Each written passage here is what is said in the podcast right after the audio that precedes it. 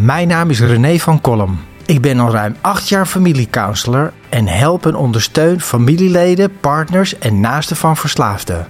In deze podcast ga ik in gesprek met de familieleden en partners en geef ik tips over hoe om te gaan met verslaving als naaste. Zelf ben ik 30 jaar verslaafd geweest en daarom weet ik als geen ander hoe moeilijk het is voor de omgeving. Want niet alleen degene met de verslaving, maar ook de mensen om me heen hebben hulp nodig. Dit is Eerste Hulp bij Verslaving. Dit is een serie over voeding en mijn gast vandaag is dokter Samefko Ludidi. In ons land een van de specialisten op het gebied van vasten.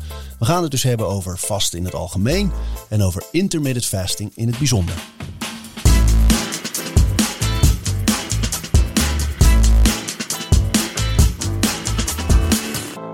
Samefko, we gaan het hebben over vasten. Ja, is echt jouw thema geworden ook. Inmiddels wel, uh, alweer drie jaar. Uh, althans, drie jaar voor het grotere publiek, ja. Ja, en waarom drie jaar? Voor de mensen die dat niet weten. Het was drie jaar geleden dat ik mijn boek over intermittent fasting uh, lanceerde hier in Nederland. Het was Slans eerste wetenschappelijk onderbouwde boek over vasten. En um, nou goed, ik denk dat dat wel um, ook het punt heeft gemarkeerd dat uh, niet alleen vasten in Nederland zijn intrede begon te doen, maar ook won aan populariteit. Ja. Dus vandaar de drie jaar. Ik was er zelf al langer mee bezig. Ik denk sinds 2012. Dat is best wel lang. Waarom eigenlijk? Um, waarom zo lang al? Nee, ja, waarom of, was je waarom er toen al mee bezig? Uh, dat, dat, is eigenlijk een heel, het is een best een grappig verhaal eigenlijk. Want in die tijd werkte ik nog op de Universiteit van Maastricht. En wij gingen regelmatig op congres naar Amerika. En dat was in de voorjaarsperiode. En dit specifieke jaar gingen we naar uh, San Diego. En uh, we hadden daar een, een, een, reisje aangekoppeld, Las Vegas. En we bezochten stranden, et cetera. Dus we wilden er ook goed uitzien. Als je naar het strand gaat, naar een, Muscle Beach, uh, Los Angeles. Venice Beach. Venice Beach. Dan wil je er toch een beetje goed uitzien. En in de jaren daarvoor zorgde ik voor mijzelf, gedreven door esthetiek in die tijd voornamelijk nog. Uh, zorgde ervoor dat ik fit raakte aan de hand van een low carb diet een streng trainingsprotocol. Na de, eh, na, de, na de christelijke carnavalsperiode in het zuiden begon hier de vaste periode. Dan gingen we trainen drie maanden lang. Low carb diet. En dan waren we klaar uh, voor, voor het strand, mijn collega en ik. En dit specifieke jaar had ik gelezen op het internet, op een dodgy site, over iets als intermittent fasting. En ik kon natuurlijk vanuit mijn biologische achtergrond, uh, vanuit mijn voedingswetenschappen achtergrond, kon ik dat heel goed eh, plaatsen, heel goed duiden. En ik, ik snapte direct dat dit het antwoord was tot een vergrote vetverbranding. Want dat, daar was ik op dat moment naar op zoek. Ik dacht, let's put it to the test. En dat deden we, mijn collega en ik. En het bleek ontzettend goed te werken. Um, in die zin dat wij ontzettend snel droog raakten door intermittent fasting. En dat was natuurlijk super als je op Muscle Beach, je Venice Beach, je, je, je, spieren wilt showen. Dus zo is het voor mij begonnen. Ik kan me nog herinneren dat ik toen ook in die tijd uh, geopperd heb uh, bij de Universiteit van Maastricht om daar een onderzoek naar te laten doen. Het effect van intermittent fasting op bijvoorbeeld uh, spierbehoud bij afvallen, maar ook op een aantal andere bloedparameters. daar was toen nog geen interesse voor. Er werd van gezegd, nee, dat is flauwekul. En um, gelukkig zie je nu, vijf, tien jaar later, dat die interesse vanuit de wetenschappelijke wereld ook enorm is toegenomen naar intermittent fasting. Ja, en veel wetenschappelijk onderzoek dat het eh, echt ja. het nut onderbouwt. Hè? Ja, ja, ja, mits natuurlijk goed toegepast. Dat is een uh, nuance die ik altijd um, vind dat ik die moet zeggen. Want veel mensen springen er cold turkey in. Die denken van, oké, ik sla mijn ontbijt over ik zie wel wat gebeurt. Dat deed ik toch al, zeggen ze dan. Of dat deed ik toch al, maar niet vanuit de juiste incentive. en dan kom je vaak bedrogen uit. Dus in ieder geval, dat is eigenlijk mijn, mijn, mijn verhaal. Uh, hoe ik met, met intermittent fasting in aanraking ben gekomen. Zo'n tien jaar geleden. Ik heb dat, dat lang verzwegen. Um, omdat ik ook echt 100% zeker ervan wilde zijn. Dat intermittent fasting iets zou kunnen zijn waarmee je mensen verder kunt helpen in hun health journey. En dat betekende voor mezelf dat natuurlijk moest ik het op mezelf experimenteren. Maar ik moest ook meer onderzoek naar het topic doen. Literatuuronderzoek en uiteindelijk ook uh, voor mijn boek heb ik ook uh, mensen echt onderzocht. En dat was voor mij ook uh, ja, het moment waarvan ik dacht van nu, nu durf ik ook met zekerheid te stellen dat intermittent fasting iets is wat werkt. Ja, je was de trend vooruit. Maar laten we hem eens afpellen als een, als een ui eigenlijk. En gewoon eens beginnen met die term intermittent fasting. Wat betekent dat Ja. eigenlijk? intermitterend vasten. Hè, dat betekent dus eigenlijk dat ehm, je gaat vasten met intervallen, als het ware. Ehm, met tussenpozen. Ehm, we spreken normaal gesproken van vasten als je 12 uur lang niet eet. En dat doet bijna iedereen elke dag onder normale omstandigheden. Ook als je ontbijt, middageten en avondeten eh, nuttigt.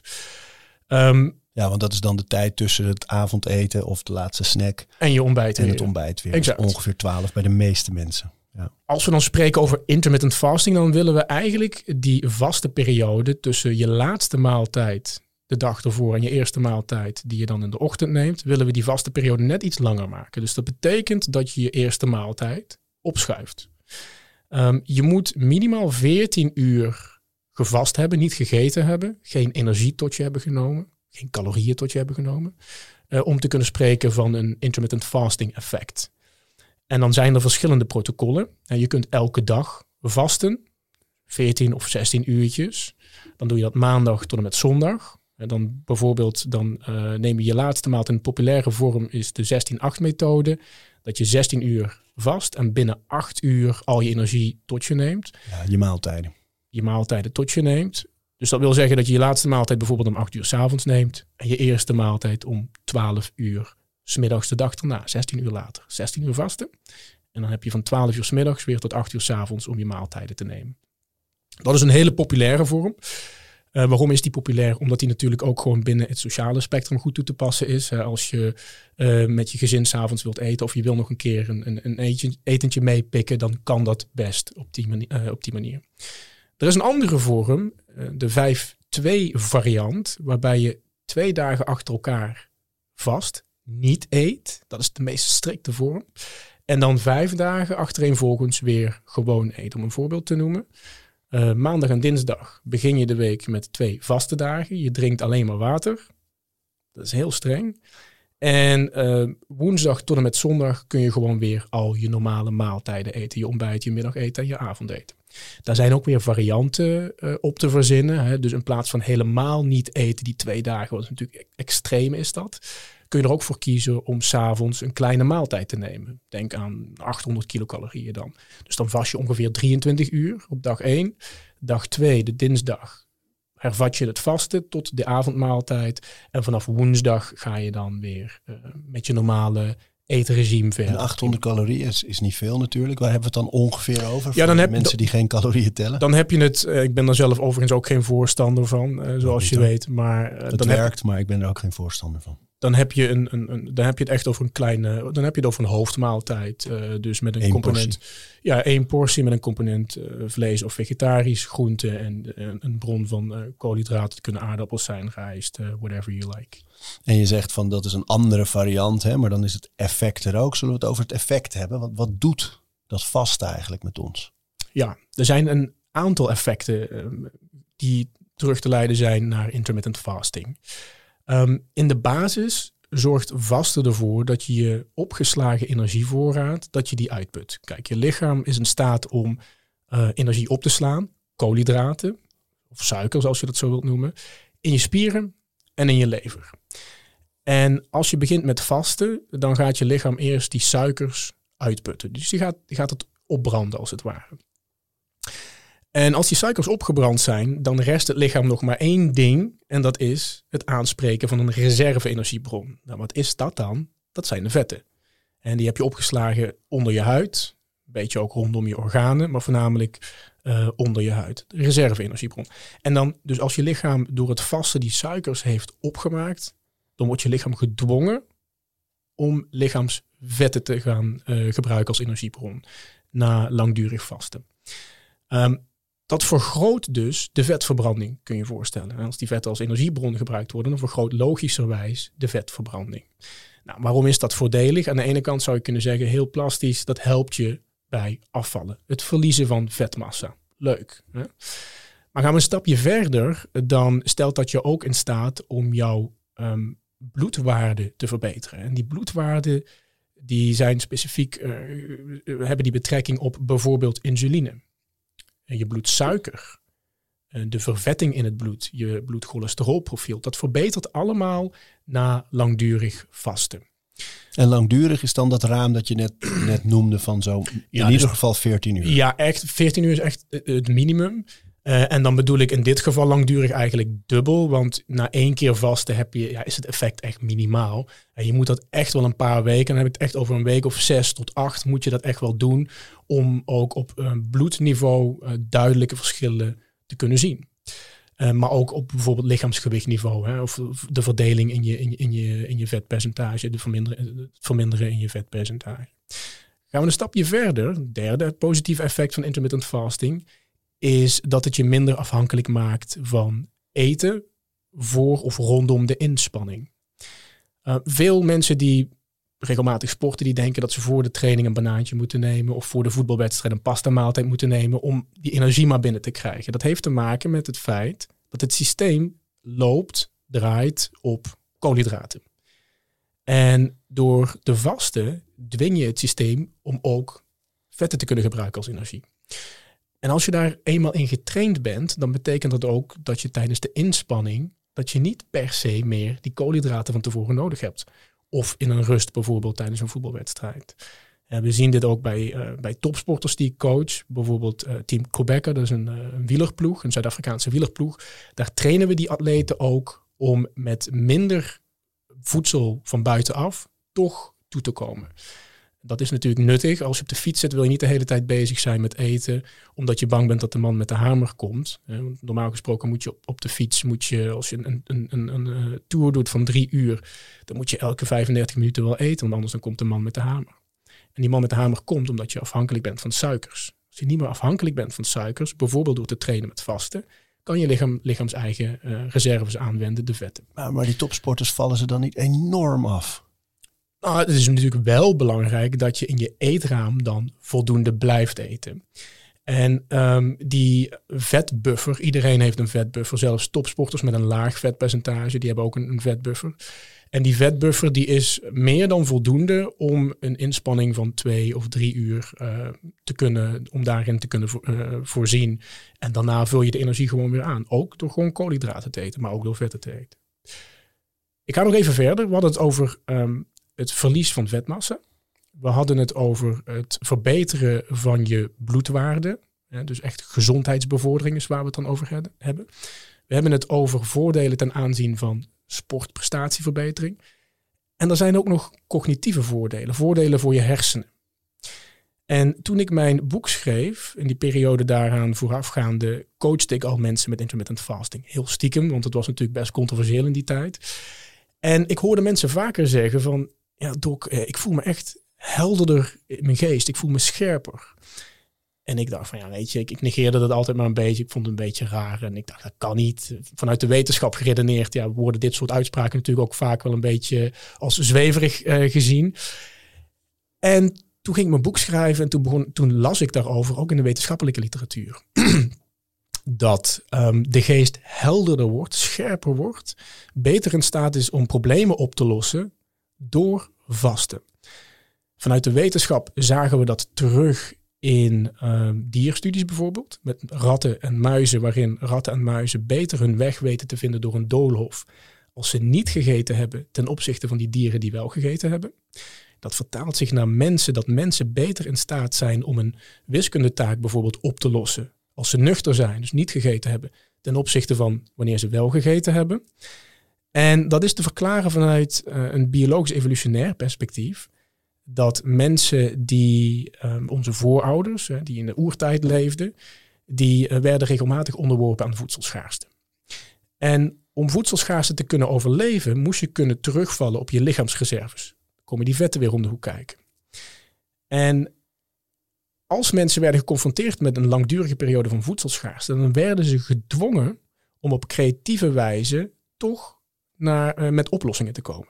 Dus bepaalde creatieve hersengedeeltes die werden gestimuleerd door de afwezigheid van voedsel. Um, probleemoplos, uh, probleemoplos, uh, probleemoplosgerichte hersengedeeltes, die werden gestimuleerd door de afwezigheid van voedsel, door voedselschaarste. En zo kan men vanuit de huidige wetenschap terug verklaren waarom dat vasten mogelijk ook de hersenen scherper maakt. Gek hè, want terwijl het idee is juist dat mensen denken van als ik niet gegeten heb ben ik een beetje eh, licht in mijn hoofd, een beetje wiebelig. maar dat heeft weer te maken met die daling in bloedsuikerspiegel. Als je niet eet dan gaat je lichaam dus je, je suikers uitputten en dan daalt ook in eerste instantie je bloedsuikerspiegel. Zeker als je gewend bent om veel suikers te eten, dan pomp je die suikers natuurlijk uh, de hoogte in. Dan stijgt die bloedsuikerspiegel enorm. En die daling, dat detecteert je lichaam. En dat zorgt vaak uh, voor een gevoel van flauwte en uh, duizeligheid. Maar eenmaal je lichaam in staat is om om te gaan met die switch, die noemen we ook de metabolic switch, en de switch van suikerverbranding naar vetverbranding, dan zul je dus merken dat, um, ja, dat, dat de geest ook in staat is om beter te functioneren, als het ware. Nou, mijn laatste voordeel wat ik hier nog bij wil benoemen, dus ik som ze nog heel even op. We hadden te maken met Prettig hoor. Vet, vetverbranding. Ja, het is, het, is een, het, is, het is een hoop materie. Kom maar, kom maar. Vetverbranding. We hadden te maken met het verbeteren van de gezondheid. Die bloedwaarden waren dat. Suikers, de vetten enzovoort in het bloed. We hadden te maken met sportprestatieverbetering. Um, de verbeterde hersenfunctie. En als laatste is er iets wat we autofagie noemen. Daar heb je misschien wel eens van gehoord. Nee. Niet, eh, dan ga ik dat even uitleggen voor je. Autofagie heeft te maken met celverjonging. Um, ons, ons lichaam bestaat uit celletjes. En um, je kunt je voorstellen als die celletjes langer in leven blijven, dan heeft dat gevolgen voor het organisme. Dan wil dat zeggen dat wij ook langer in leven zouden kunnen blijven in theorie. Nou, hoe werkt dat precies met vasten dan? Onder normale omstandigheden gaat je cel beschadigde moleculen in die cel uh, als er, er, bestaan, er ontstaan beschadigingen in de cel door gewoon doordat we leven, door, door, door uh, oxidatieve stress enzovoort. En dan onder normale omstandigheden gaat je lichaam beschadigde cellen verwijderen en vervangen door nieuwe cellen. Dat kan omdat we de hele dag door eten, nieuwe bouwstoffen aanvoeren. Op het moment dat die toevoer van bouwstoffen stopt, dan kan je lichaam niet die beschadigde cellen blijven vervangen, want er komen geen bouwstoffen meer aan. Dus wat gaat je lichaam dan doen? In plaats van die cellen te vervangen, gaat je lichaam die cellen repareren. En als je lichaam die cellen gaat repareren, blijven die cellen ook langer in leven. Die blijven langer in gebruik. Waarom is dat belangrijk? Je cellen kunnen maar een aantal keren delen. Die hebben een beperkte deelduur. Dus die kunnen niet oneindig blijven delen. Daar zit een beperking aan, een limiet aan. En um, die limiet die bepaalt hoe snel het organisme veroudert. Dus hoe sneller die cellen delen, zich vermenigvuldigen, kapotte cellen vervangen, hoe sneller het organisme veroudert. Als je gaat vasten, dan stopt dus die deling, dan worden de celletjes gerepareerd in plaats van vervangen. En daarmee vertraagt dus ook in theorie de veroudering. Dat is het proces wat we autofagie wow. noemen. Mooi. Je wordt niet zonder problemen 120, dat wil ik niet zeggen. Maar één keer in de zoveel tijd langdurig vast, want we moeten dan wel echt 20, 24, misschien 36 uur vasten om dit effect echt te realiseren, kan wel als een soort van reinigingskuur werken. Zo zou je het kunnen zien. Ja, want over die, die alternatieven, hè, dus al die methodes van vasten die er zijn, daar wil ik het straks met je over hebben. Maar vier van de vijf zijn me heel duidelijk van de voordelen. Maar even over die bloedwaarde. Hoe, hoe zit dat nou precies? Ja, kijk, als je gaat vasten, dan um, dwing je je lichaam dus om in eerste instantie de suikerreserves op te gebruiken. Daarmee daalt automatisch ook je bloedsuiker. En als die bloedsuiker daalt, dan stijgt automatisch de insulinegevoeligheid. Wat wil dat zeggen? Er is eigenlijk minder insuline nodig. Insuline is het stofje wat ervoor zorgt dat de suikers opgenomen kunnen worden in de spieren, waardoor je uiteindelijk die suikers ook kunt gebruiken.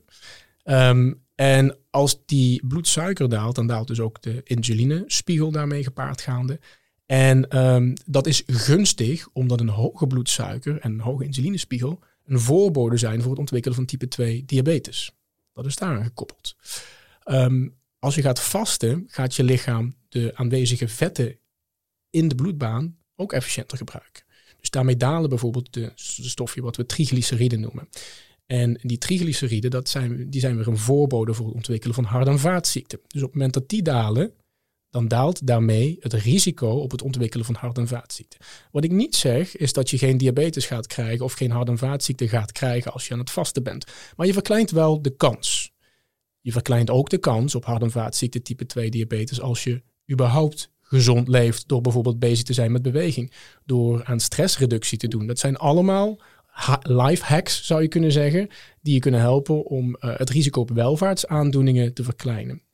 En natuurlijk ook eh, het ontwikkelen van overgewicht of obesitas. Dat is natuurlijk ook een grote voorbode weer voor in het verlengstuk daarvan het ontwikkelen van type 2 diabetes of hart- en vaatziekten. Dus aan de voorkant überhaupt door je vetpercentage te laten dalen, verklein je ook alweer de kans op het ontwikkelen van die welvaartsaandoeningen. Ik weet dat veel mensen uh, intermittent fasting gaan doen omdat het ook een goede manier is om af te vallen. Hè? En omdat ze buiten deze voordelen, dat ze dat ook vooral zien. Maar je bent zelf een goed voorbeeld van een goed getraind lijf. een goed spiervolume heb je. Um, hoe zit dat met, met, met vasten en trainen? Of stel nou dat je wil, zegt ik wil juist wat zwaarder worden met droge spiermassa bijvoorbeeld. Kan dat vastend? Ja, ik ben zelf geen voorstander van je vaste blok te gebruiken om gains te realiseren. Dus aankomen, droge spiermassa aankomen tijdens het vasten, dat is eigenlijk geen goede combinatie. Ik adviseer om twee, drie blokken in het jaar te vasten, van zes tot acht weken. Dan zou ik, als je droge spiermassa wilt aankomen, juist dat tussen die vaste blokken in doen. En die vaste blokken weer gebruiken om iets verder in te drogen.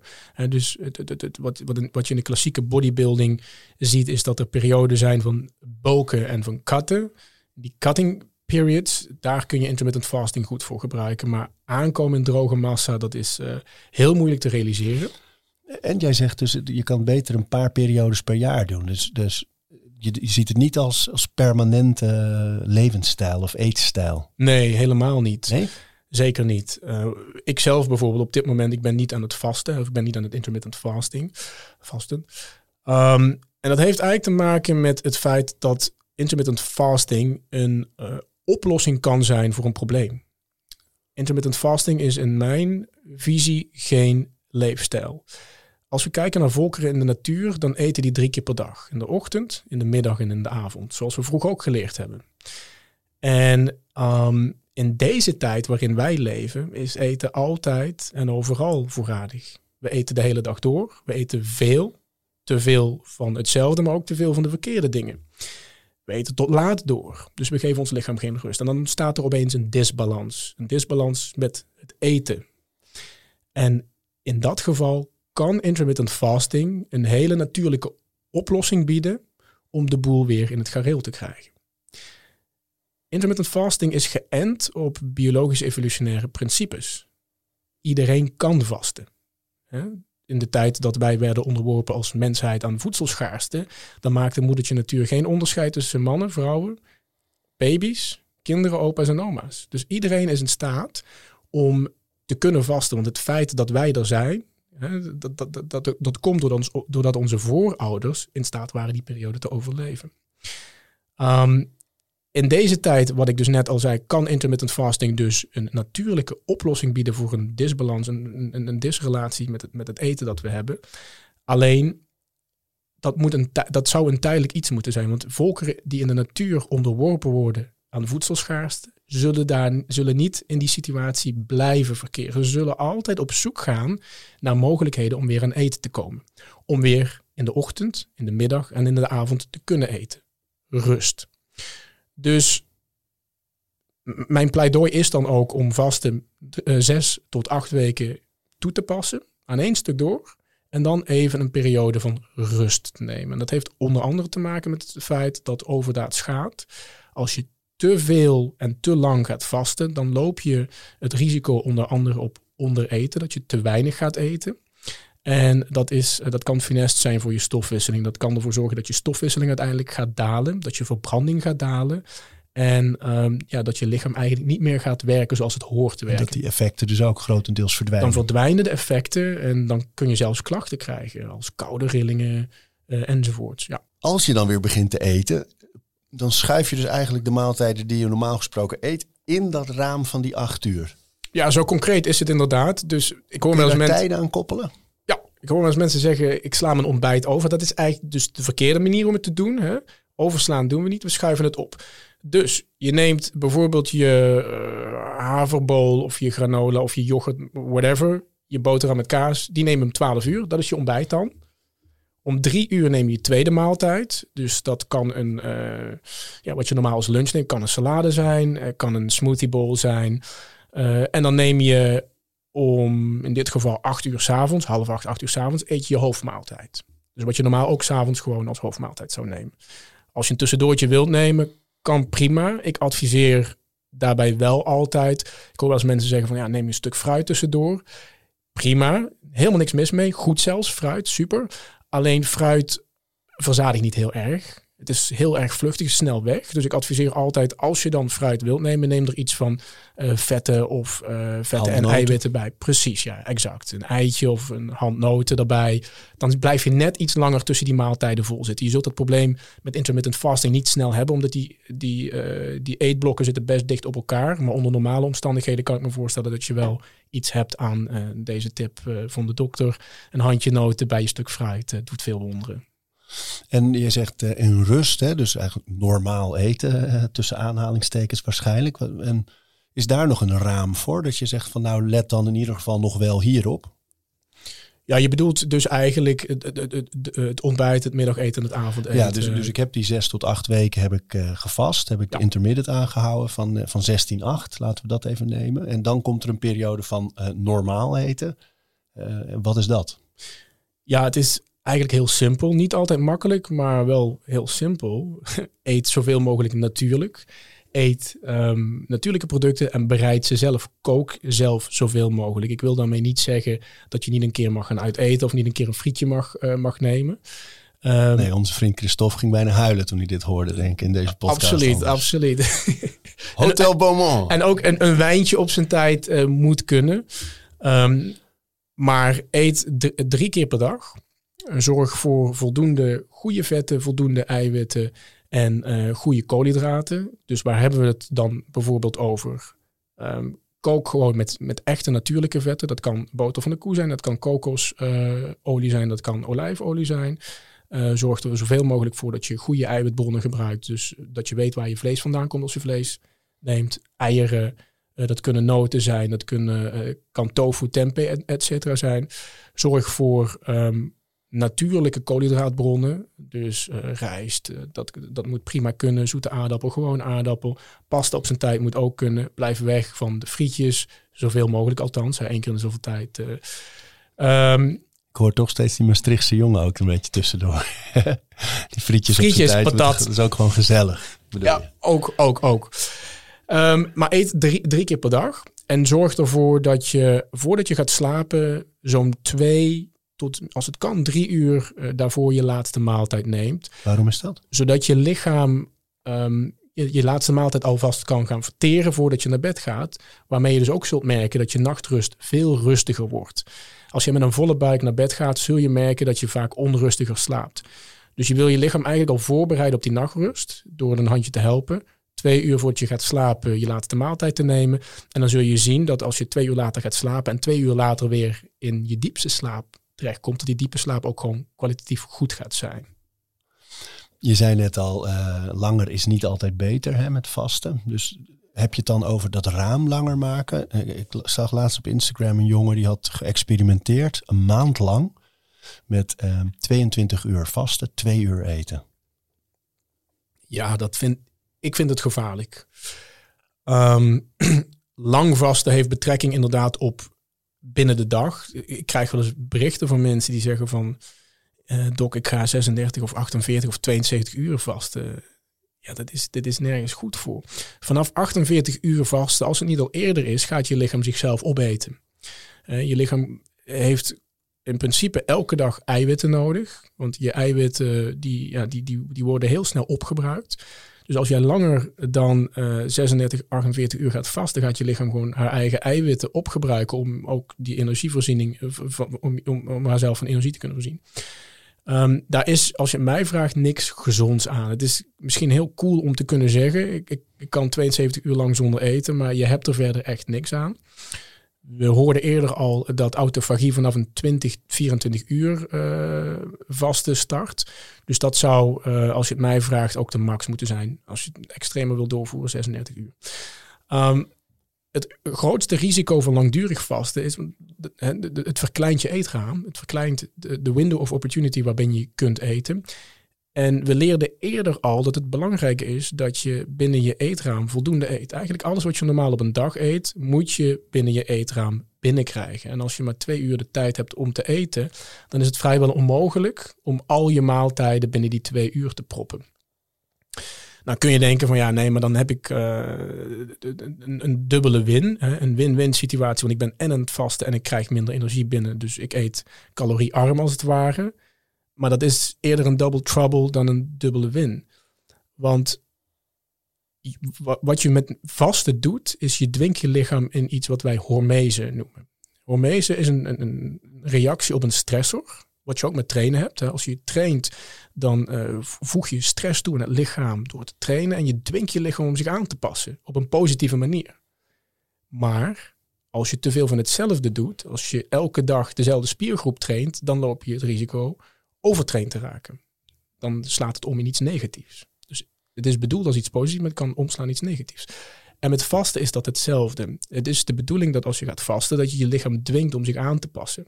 Maar als je gaat vasten en je gaat ook nog minder energie eten, dan vraag je daarmee veel te veel van je lichaam. En uiteindelijk gaat je stofwisseling dalen. Ik vergelijk dat bij cliënten wel vaker met een, met een vuurtje. Op het moment dat jij minder brandhout toevoegt aan dat vuur, dan gaat het vuurtje krimpen. Dan wordt het vuurtje kleiner en kleiner en kleiner. Dat vuurtje, dat is die verbranding. Dat is je stofwisseling. En als je nou ook nog eens in plaats van elk uur brandhout op dat vuurtje gooit, als je dat nu nog maar elke drie uur gaat doen, dus als je de interval ook nog eens vermindert, dan wordt dat vuurtje nog kleiner.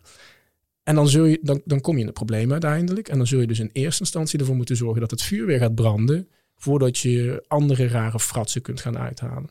Dus ik ben echt geen voorstander van meer, uh, meer vasten. Meer is echt niet altijd nee, het beter. Is een tendens. Hè? Je ziet het ook bij ijsbaden. Dat mensen dan, uh, dan vragen, hoe lang zit je erin? Willen ze opeens 10 minuten erin zitten. Ja. ja. dat is hetzelfde principe. Ja, hoe lang zit je zelf normaal gesproken in? Drie minuten. Ja, ja.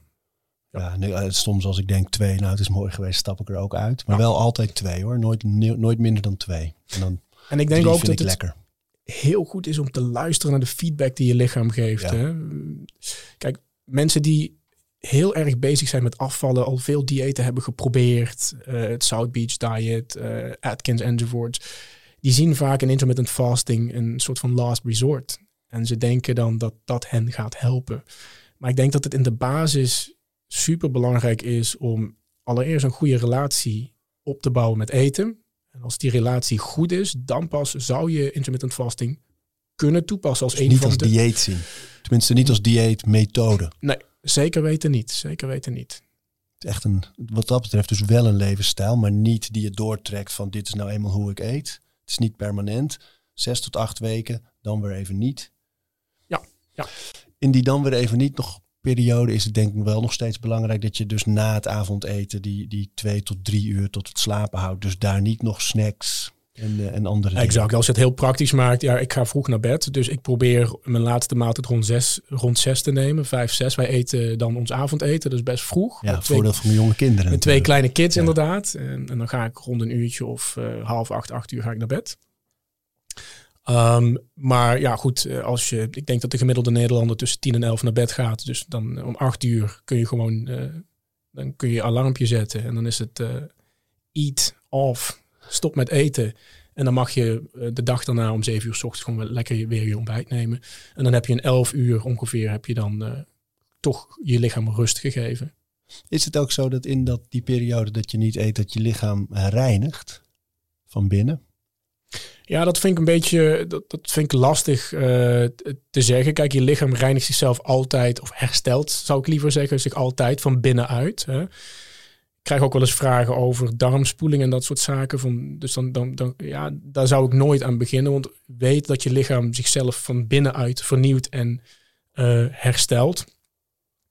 Um, het, is, het kan wel goed zijn om je maag-darmsysteem bijvoorbeeld rust te geven. Het is, niet heel, het is geen natuurlijk patroon om elke drie uur, we denken vaak, we moeten elke drie uur eten om die stofwisseling aan te houden. Dat zijn ook van die dingen die ik wel eens hoor. Ja, ja. Maar dat is niet heel natuurlijk. Ook als je naar dieren kijkt, die zijn, nou, behalve bijvoorbeeld gorilla's, die moeten de hele dag door eten om aan hun energie te komen. Maar veel dieren die op ons lijken, op de mens, chimpansees, et cetera, die eten enkele malen en die geven hun uh, maag-darmsysteem ook gewoon de rust. Daar is je maag-darmsysteem dus niet voor gemaakt om constant maar bezig te zijn, constant eten te verwerken. Dus in zekere zin reinigen vind ik, um, ja, dat vind ik, dat vind ik iets te vaag, maar je, je moet je lichaam wel de tijd geven om te herstellen. Je spieren geef je ook de tijd om te herstellen als je getraind hebt. Dat, hetzelfde geldt voor je brein als je rust. Hetzelfde geldt voor je maag-darmsysteem als je niet eet. Als ik ergens vertel uh, op de socials vooral over, over intermittent fasting, krijg ik heel vaak de vraag: uh, is het voor vrouwen ook goed? Want volgens mij doet het iets met de hormoonhuishouding. Krijg jij die vraag wel eens? Ja, zeker krijg ik die vraag. En daar is, daar is nog niet heel veel onderzoek naar gedaan. Maar um, het mannenlichaam en het vrouwenlichaam, dat zijn twee verschillende systemen. Die werken anders. De hormoonhuishouding is iets wat vaak genoemd wordt. Um, en die is natuurlijk ook van invloed op de eh, gezondheid en op, hoe het lichaam functioneert. Wat je vaak ziet bij vrouwen is dat ze starten met intermittent fasting vaak gedreven door ik wil afvallen.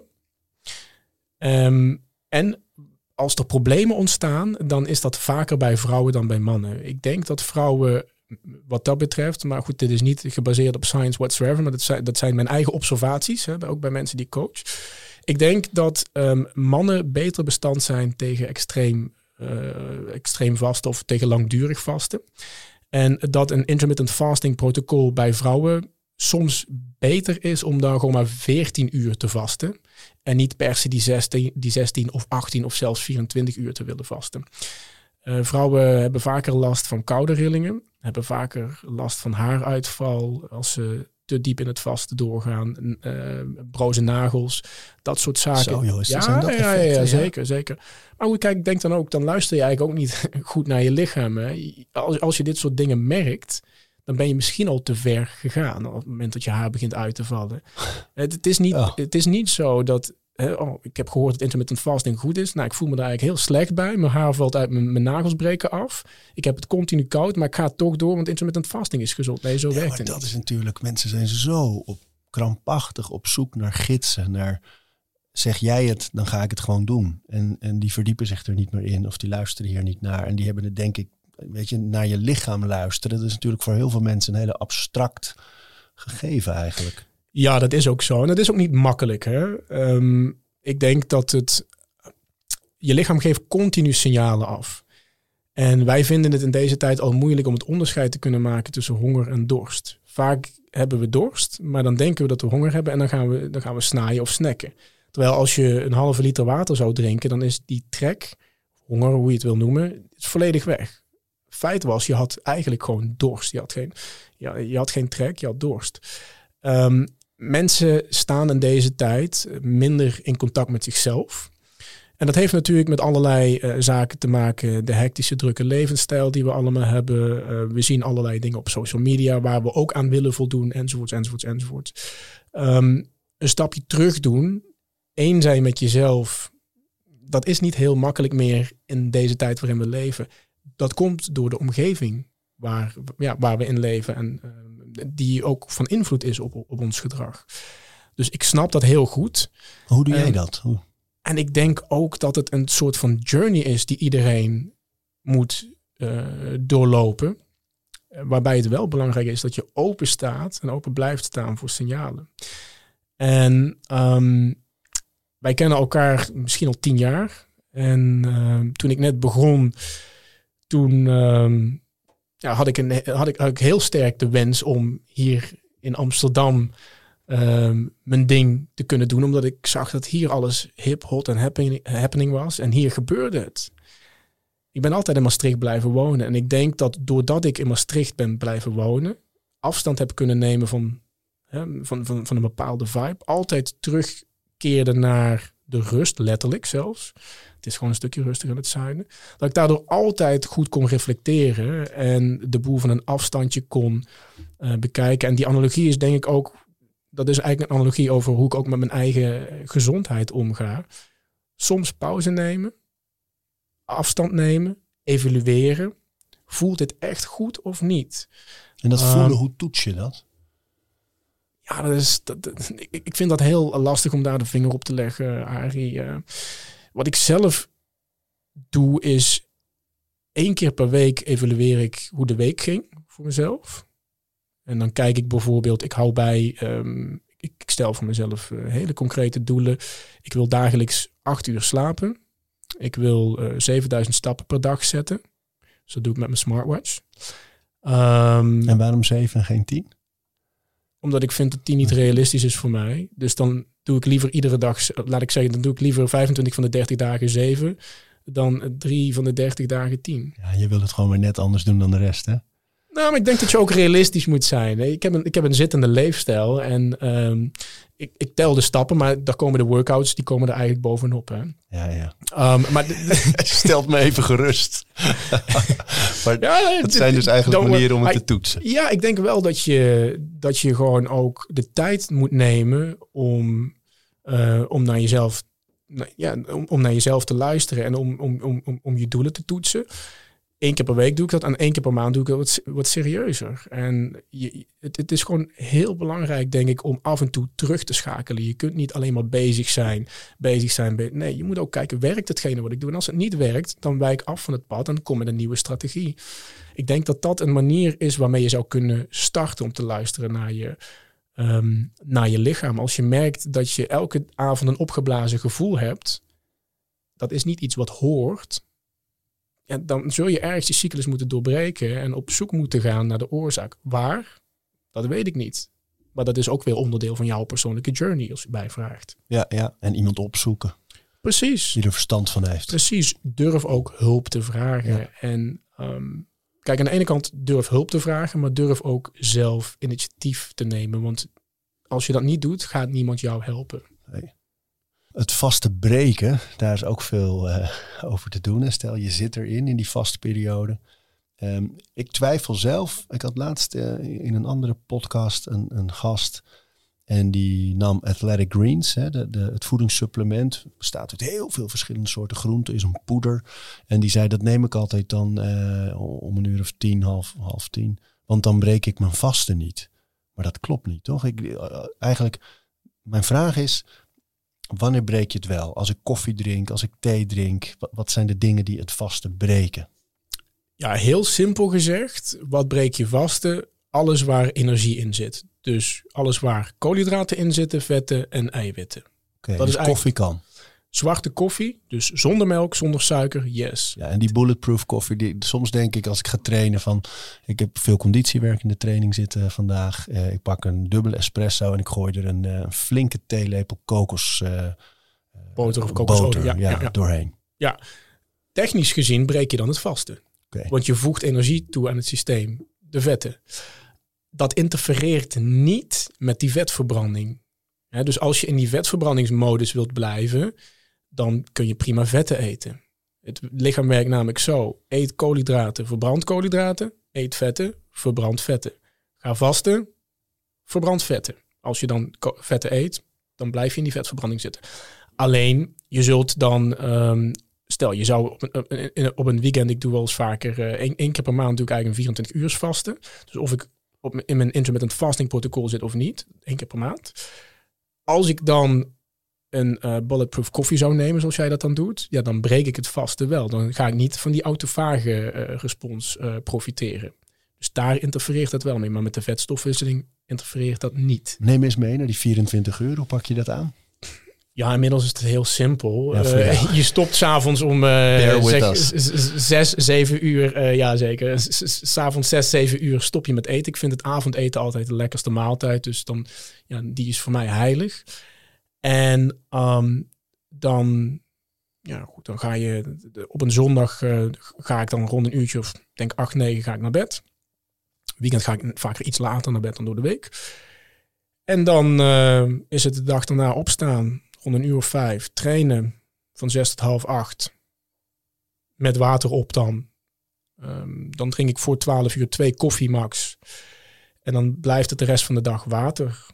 En dan eh, om zes uur s'avonds, avonds dan kijk ik uit naar mijn eerste maaltijd. Eh, dat kan een, eh, vaak is dat een bouillon, zelfgetrokken bouillon. En dan eet ik daarna gewoon mijn hoofdmaaltijd. En dat is één of twee keer opscheppen, meestal twee dan één. Waar trek Vaak je het van, die bouillon? Ehm, van kippenbotten, van runderbotten. Ik laat hem meestal 8 tot 12 uur trekken.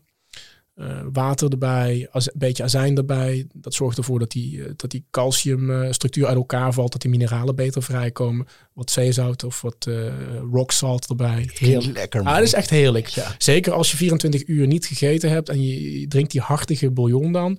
Dat, dat smaakt dan echt bijzonder goed. En je zegt dat het is om die calciumstructuur uit die botten te halen. Die valt lekker uit elkaar. Maar wat is nog meer een reden om op dat moment juist bouillon te nemen? Ja, als je langer hebt gevast, dan krimpt je maag een beetje. En als je dan gelijk een grote maal... Je hebt natuurlijk ontzettend veel honger dan. Uh, dat begint dan vanaf een uur of drie, vier... smiddags begint zich dat echt op te bouwen. Dus die laatste twee uur, dat is wel even afknijpen. Maar als je dan in één keer een grote maaltijd neemt, dan kan dat ontzettend zwaar vallen en dan kun je dus gewoon heel veel buikpijn krijgen. Dus om jouw maag al een klein beetje te laten uitzetten, drink ik uh, één of twee koppen bouillon. Dan heb je het toch alweer over een halve liter. En daarna begin ik aan mijn, uh, aan mijn eerste maaltijd. Ja.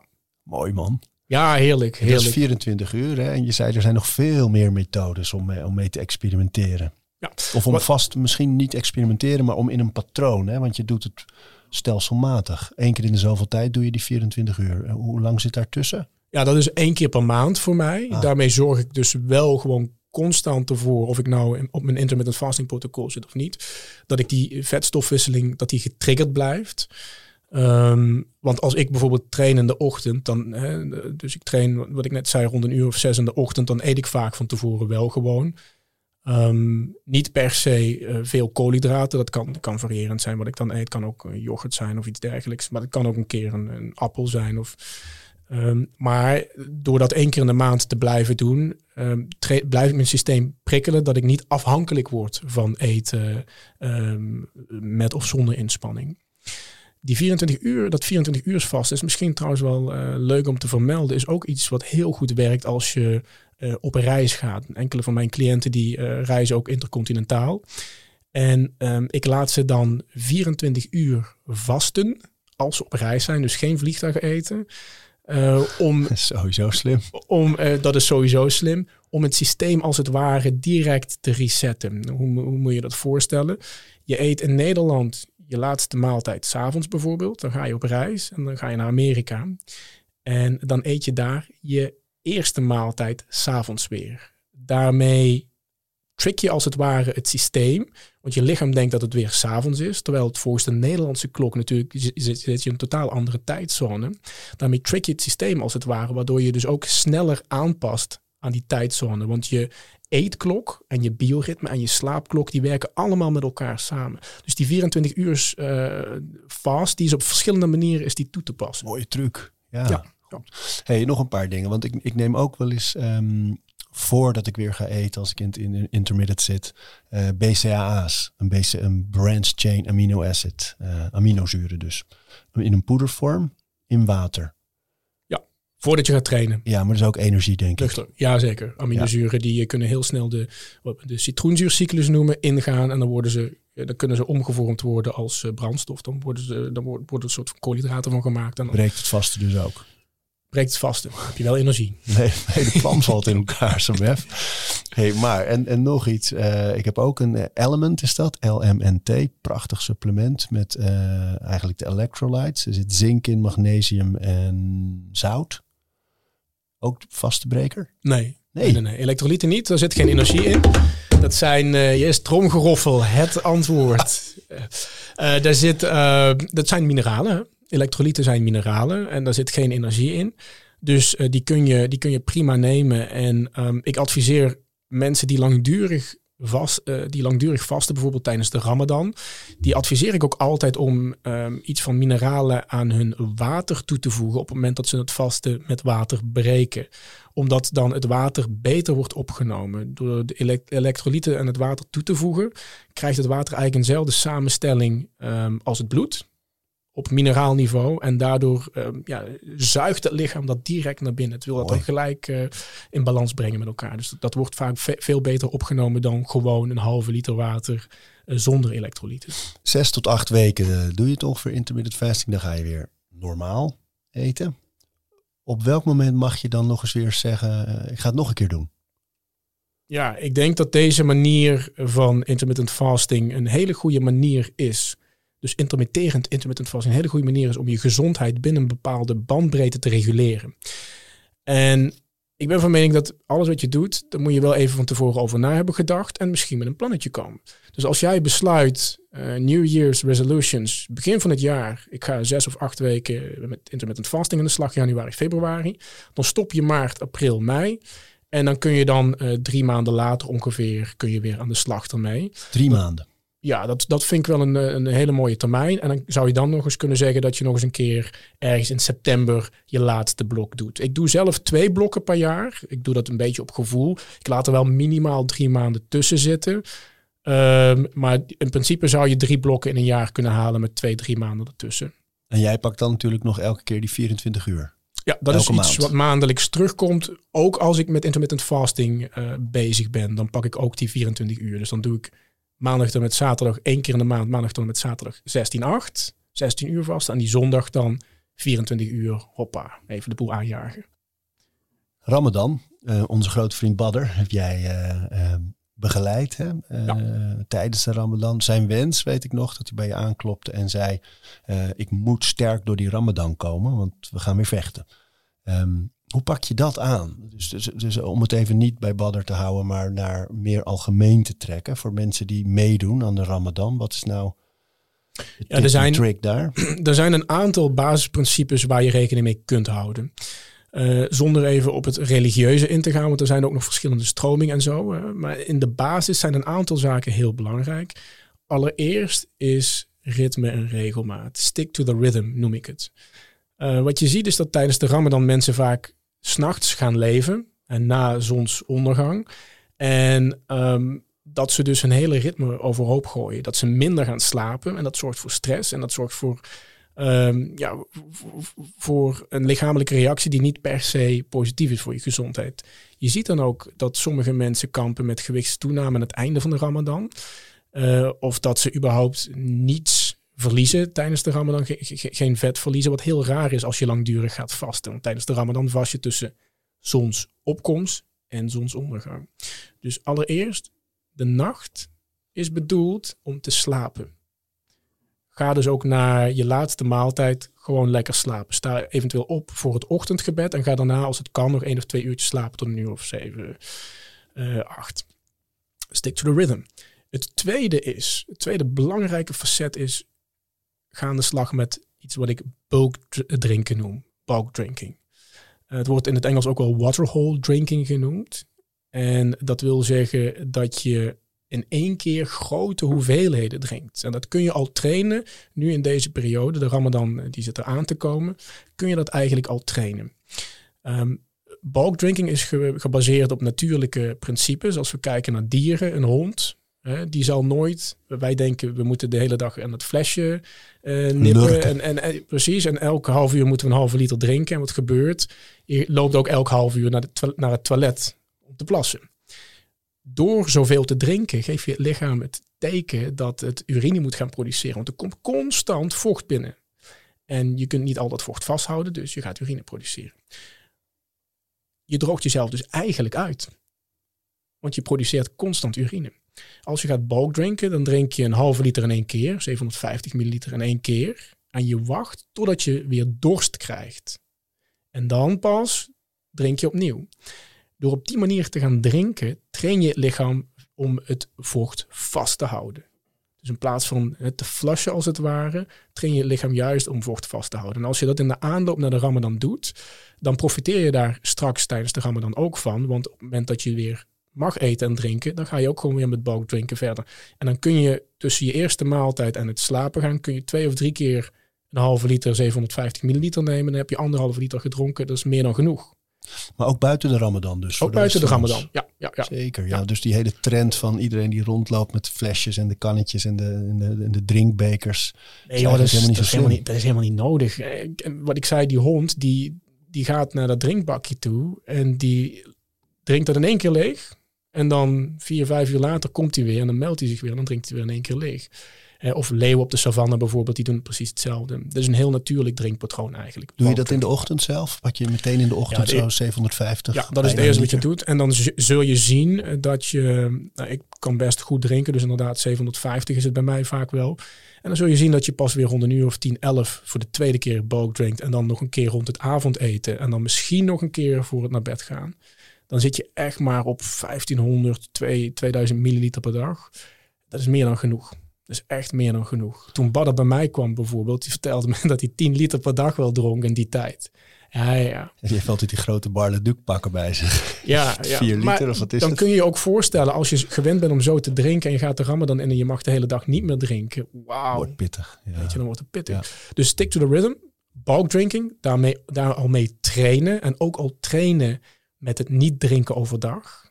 Dus stel je eerste drinkmoment uit tot 10 of 12 uur s ochtends. Doe dat gewoon één keer deze week, één keer volgende week in de voorbereiding naar de Ramadan.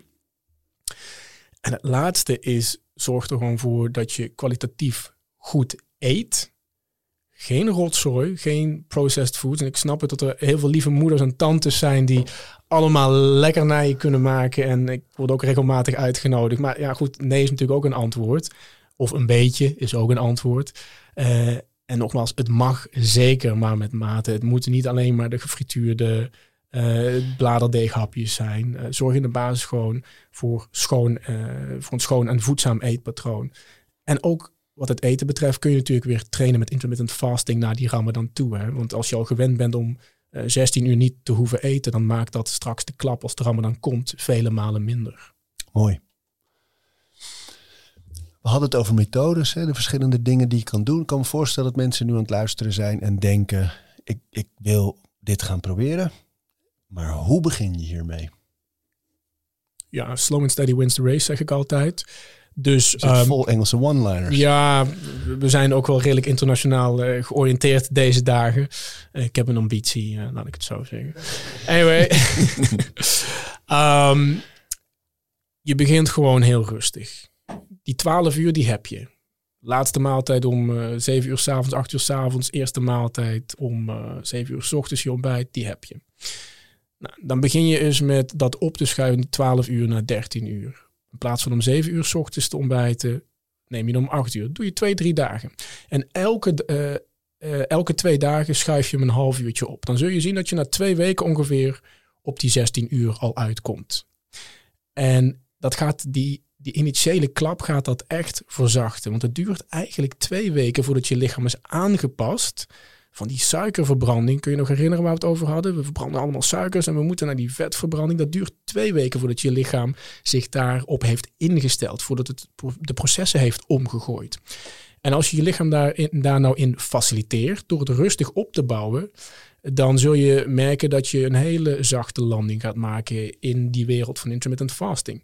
Als je van jezelf niet te veel verwacht in die twee weken, bijvoorbeeld qua sportprestaties, als je nou niet op diezelfde manier als een gek door blijft trainen, maar gewoon even terugschakelt naar 50%, 70%, om daarna weer twee stapjes bij te pakken, dan zul je zien dat je zo daarin rolt en dat het best goed te doen is. De meest gemaakte fout is dat mensen gewoon cold turkey starten. En dat ze nou, denken van ik doe dat wel even. En dan 16 uur vast. En dag 1, oké, het ging op mijn tandvlees. Dag 2, oh, knallende koppijn. Dag 3, ik heb geen energie, moe. En daarna stoppen ze ermee. En dan stoppen ze ermee voordat je lichaam die metabolic switch heeft gemaakt van suikerverbranding naar vetverbranding. Leuke anekdote, uh, Arie. Want uh, luitenant Schwatka, dat was in de eind 19e eeuw was er een ontdekkingsreiziger. En die trok naar Groenland. En daar ging die met de Inuit ging die op reis, de, de oorspronkelijke bewoners van Groenland. En zij reisden 50 kilometer per dag met sleehonden, rendieren enzovoorts. En hij schreef in zijn dagboeken dat hij ontzettend veel last had van energietekort en hoofdpijn en uh, malaise enzovoorts. En hij weet dat aan het dieet. Want hij zei, we eten alleen maar walvisblubber, vis, rendiervlees. En hij was natuurlijk een Europees eetpatroon gewend met veel koolhydraten, brood, aardappels. En na twee weken warempel schreef hij in zijn dagboek alsof ik herboren ben. Ik weet niet wat me overkomt, maar ik heb zeeën aan energie. En dit verklaren we nu in deze tijd door de metabolic switch. Dus het is echt zo belangrijk dat je die twee weken doorkomt. En bouw het gewoon rustig op. Langzaam schep, schep je er bovenop wat betreft het vasten. En ook het trainen even twee stapjes terug. En dan langzaam beetje bij beetje bijpakken. En dan zul je ook zien dat je prima een halve marathon zonder gegeten te hebben kunt lopen. Om een voorbeeld te noemen. Tot slot, hè, want ik kan me ook voorstellen dat mensen denken: ja, ja, dat vasten dat is voor iemand anders. Ik hou van eten, ik eet de hele dag, ik eet veel, ik eet vaak. Um, waarom is dat niet zo verstandig? Om veel en vaak te eten. Ja, dat zorgt uiteindelijk. Je, je loopt gewoon een risico uh, op het ontwikkelen van die disbalans. Hè. Alles wat te voor staat, dat zeiden onze moeders al, dat is natuurlijk gewoon niet goed. En um, volkeren in de natuur eten drie keer schoon eten, drie keer per dag, ochtend, middag, avond. En als je je lichaam maar blijft voeden, of misschien moet ik wel zeggen vullen, uiteindelijk uh, loop je daar gewoon een risico mee op het ontwikkelen van welvaartsziekten. Als overgewicht, maar als dat het al zou zijn, maar vooral hart- en vaatziekten, type 2 diabetes, dat zijn gewoon ontzettend, uh, ja, dat, dat zijn eh, serieuze killers die ook in het zorgsysteem voor een ontzettende grote druk zorgen. Dus daar wil je echt, weet je, je wil je vrijheid over je gezondheid, over je leven behouden. En dan is het gewoon verstandig om ook verstandige keuzes te maken ten aanzien van wat je door je mond naar binnen stopt. Mooi man. Je boek zetten we natuurlijk in de, de befaamde show notes. Hè? Je socials? At dr.ludidi. Dr. Ludidi. Yes, Instagram, daar eh, ben ik het actiefst op. De website drludidi.com. sorry. Bekt lekker ook, hè? Dat bekt heerlijk. Ik ben al een beetje aan het oefenen. de internationale ambities. Nou, dat komt wel goed, heb ik het gevoel. Dankjewel, Arie. Ja, ja. Dank. Thanks.